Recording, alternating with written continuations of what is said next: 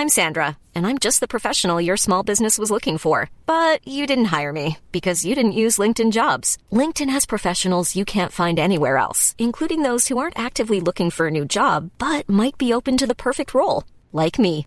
In a given month, over 70% of LinkedIn users don't visit other leading job sites. So if you're not looking on LinkedIn, you'll miss out on great candidates like Sandra. Start hiring professionals like a professional. Post your free job on linkedin.com/people today. Hey, it's Ryan Reynolds, and I'm here with Keith, co star of my upcoming film, If, only in theaters, May 17th. Do you want to tell people the big news? All right, I'll do it. Sign up now and you'll get unlimited for $15 a month in six months of Paramount Plus Essential Plan on us. Mintmobile.com slash switch. Upfront payment of $45 equivalent to $15 per month. Unlimited over 40 gigabytes per month. Face lower speeds. Videos at 480p. Active Mint customers by 531.24 get six months of Paramount Plus Essential Plan. Auto renews after six months. Offer ends May 31st, 2024. Separate Paramount Plus registration required. Terms and conditions apply if rated PG. Many of us have those stubborn pounds that seem impossible to lose, no matter how good we eat or how hard we work out. My solution is PlushCare. PlushCare is a leading telehealth provider with doctors who are there for you day and night to partner with you in your weight loss journey. They can prescribe FDA-approved weight loss medications like Wagovi and Zepbound for those who qualify. Plus, they accept most insurance plans. To get started, visit plushcare.com slash weight loss. That's plushcare.com slash weight loss.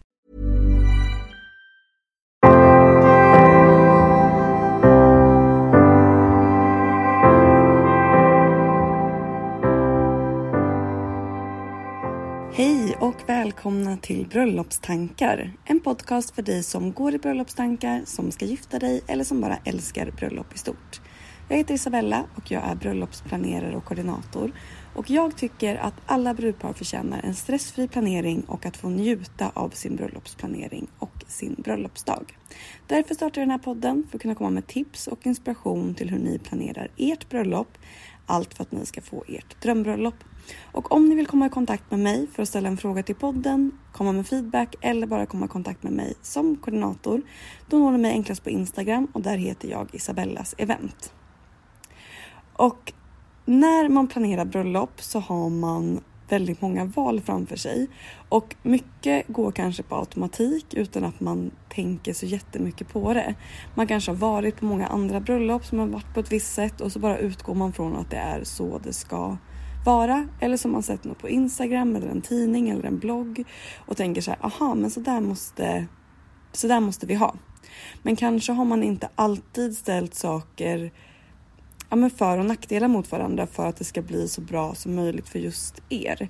Och vad som gör att det blir så bra som möjligt för just er är det ju bara ni som kan svara på.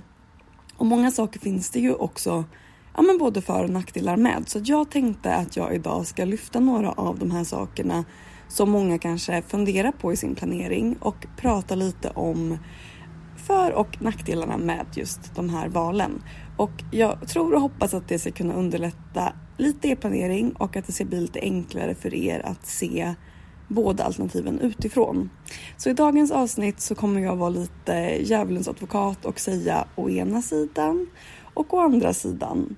Och eh, ofta så har jag kanske en egen åsikt vad jag brukar tycka funkar bäst. Men jag vet inte heller vad som är bäst för just er, så det måste ni avgöra själva. Så det här ska bli så kul. Vi kör igång på en gång. Och då är nummer ett att gifta sig nära sin hemstad eller att eh, åka iväg. Och det här är väl ett ganska vanligt val att stå inför i början på sin planering.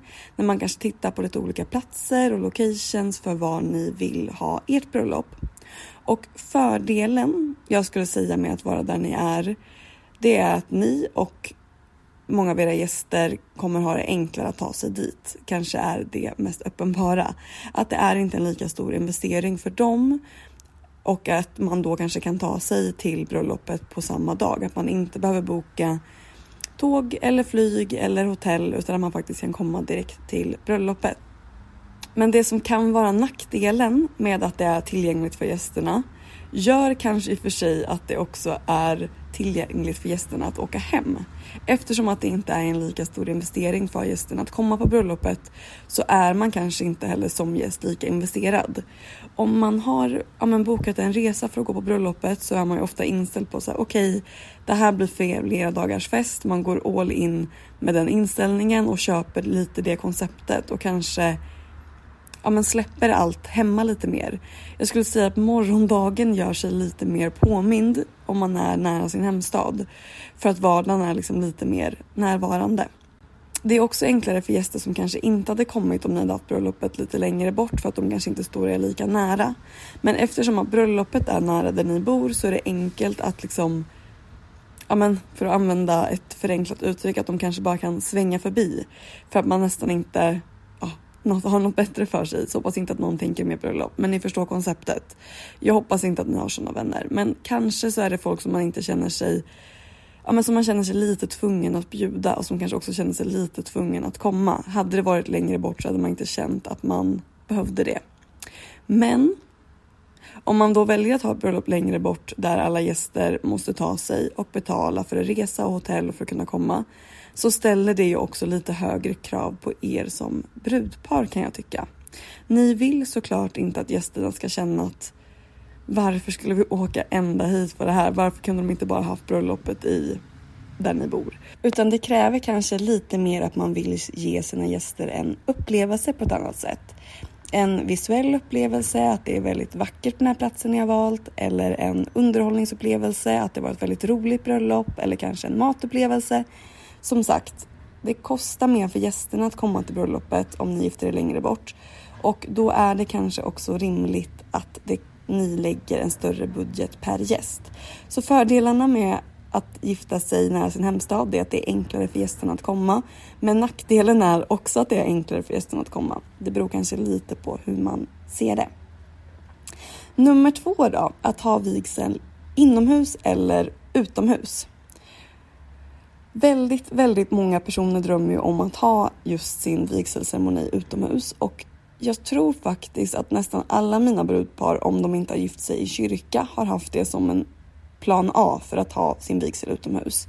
Såklart för att det är så otroligt vackert. Och väljer man en plats som i sig själv är väldigt vacker så behöver man kanske inte allt det här andra för att det ska bli en vacker ceremoni. Även om det såklart är vackert med blommor och matta och dekorationer så väljer du en plats som har en backdrop som förhöjer det här ännu mer eller att man har en backdrop så kanske man inte behöver fokusera på det här lika mycket.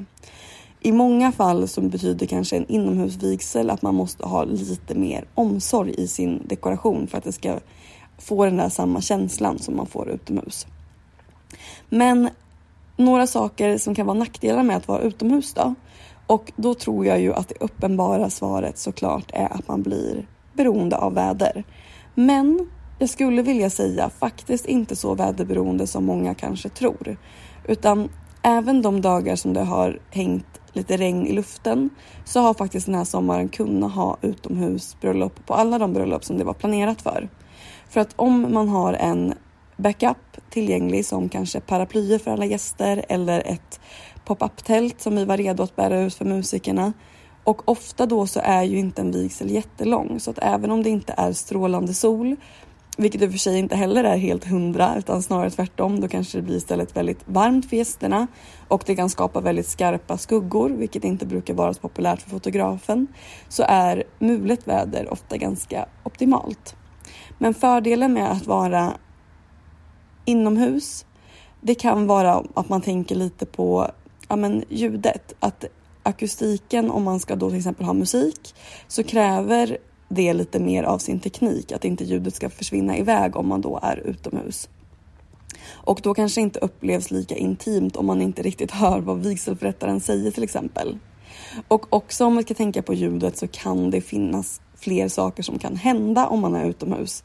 Det kan komma ett eh, flygplan, det kan komma bilar som låter, det kan vara hundar som skäller, det kan vara andra saker som man kanske inte riktigt kan kontrollera med ljud som kan hända om man är utomhus, vilket är lite enklare att kontrollera inomhus.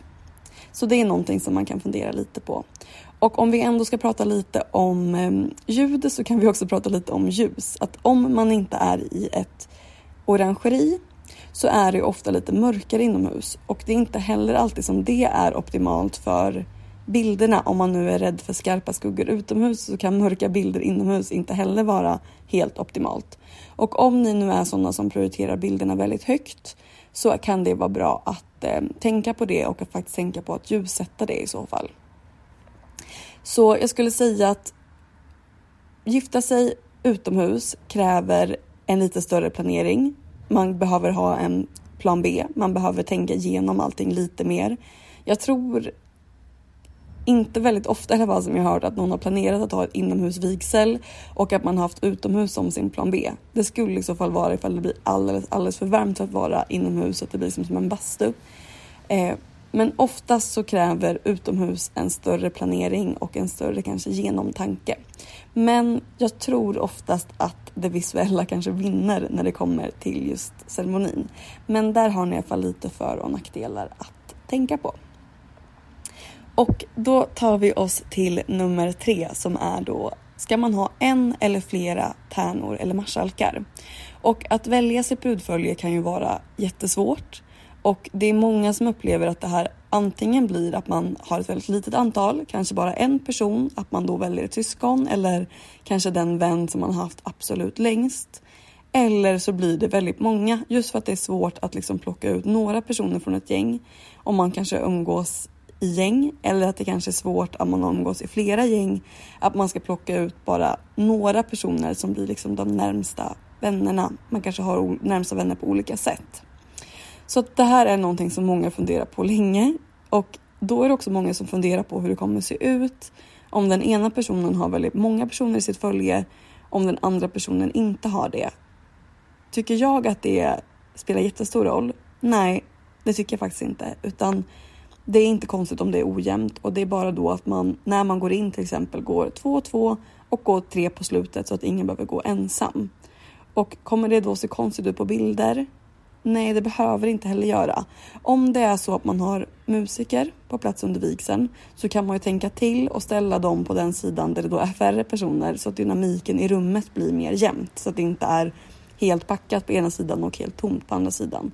Så rent visuellt kan man liksom jämna ut det där ändå. Så vad tycker jag då är för och nackdelen med att ha en eller flera tärnor och marskalkar? Och att bara ha en skulle jag säga gör att det blir ganska mycket press på den här personen. Så att redan innan så kanske du eh, bollar det här, ja, men, bollar planeringen med bröllopet med den här personen. Det kanske är den personen som känner sig ansvarig för att styra ihop en eventuellt möhippa eller en svensexa. Och på bröllopsdagen, om ni inte har tagit in hjälp, så kommer det också vara att den personen får ganska mycket att göra som ska liksom fixas och trixas med. Och även om det här är er största dag i livet och era vänner vill vara med och eh, fira det såklart och tycker att det här är jätteviktigt. Så pågår ju deras liv också parallellt med det här. Och det blir lätt att väldigt mycket hamnar på den här tärnan som kanske inte heller riktigt orkar med att liksom sätta en gräns för att man vet att det är så viktigt för dig. Så att det är en nackdel med att ha en person, att den personen får ta väldigt mycket ansvar. Och då kan man ju sprida ut det här på flera vänner och familj och även om de inte är en tärna eller marskalk. Men lösningen då att ha flera tärnor eller marskalkar, på ett sätt så kan det underlätta. Men risken när det är för många i brudföljet, det blir att ingen riktigt tar ansvar för att man kanske lite räknar med att någon annan kommer lösa det. Och att det då inte riktigt blir att någon tar sig an saker för att man inte riktigt vet vad man ska göra. Alla vill hjälpa till men man vet liksom inte vart man kan ta i.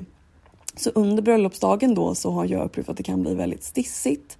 Om det då dyker upp något litet hinder på bröllopsdagen, vilket ofta gör, och det är ingenting som inte går att lösa, men jag har ofta sett då att har man många tärnor, förlåt, nu kommer jag generalisera, men det är lite vanligare bland tärnor, så blir det att liksom alla lätt stressar upp varandra och på så sätt stressar upp bruden. För att finns det inte en person där då som liksom kan lugna situationen så blir det lätt rörigt om man har för många. Men det här är ju såklart en avvägning så att det finns för och nackdelar med att ha både en och att ha många.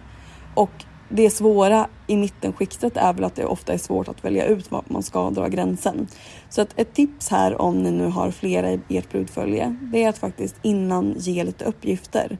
Även om du såklart eh, vill att alla ska ha kul och få slappna av. Så att har man en uppgift så blir det enklare liksom att hålla koll på den.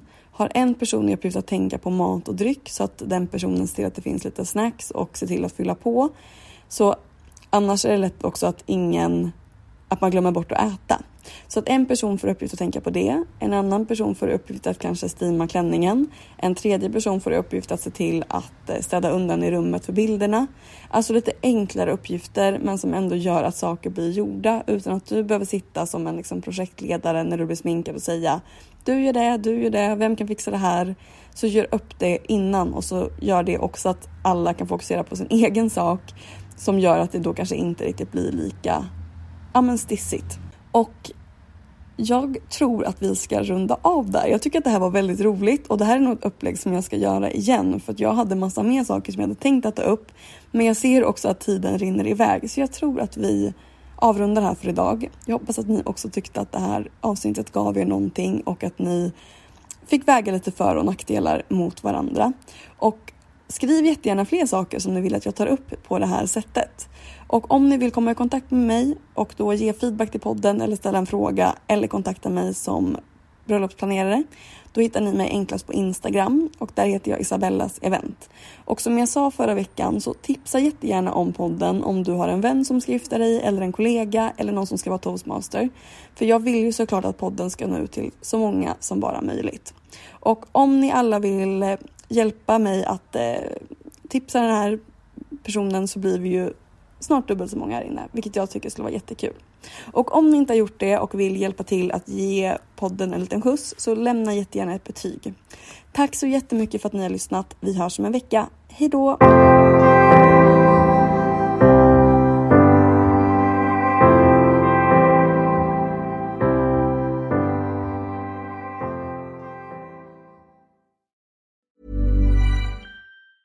Hi, I'm Daniel, founder of Pretty Litter. Did you know cats tend to hide symptoms of sickness and pain? I learned this the hard way after losing my cat, Gingy. So I created Pretty Litter, a health monitoring litter that helps detect early signs of illness by changing colors, saving you money and potentially your cat's life. Pretty Litter is veterinarian developed, and it's the easiest way to keep tabs on your fur baby's health right at home. Go to prettylitter.com and use code ACAST for 20% off your first order and a free cat toy. Terms and conditions apply. See site for details.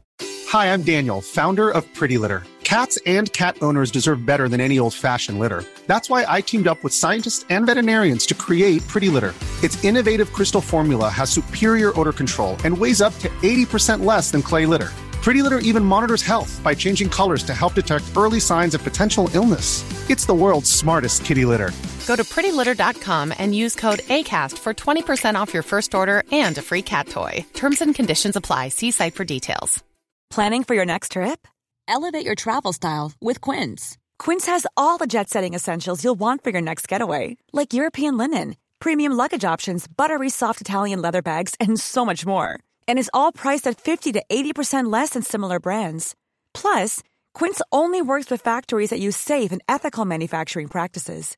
Pack your bags with high-quality essentials you'll be wearing for vacations to come with Quince. Go to quince.com slash pack for free shipping and 365-day returns.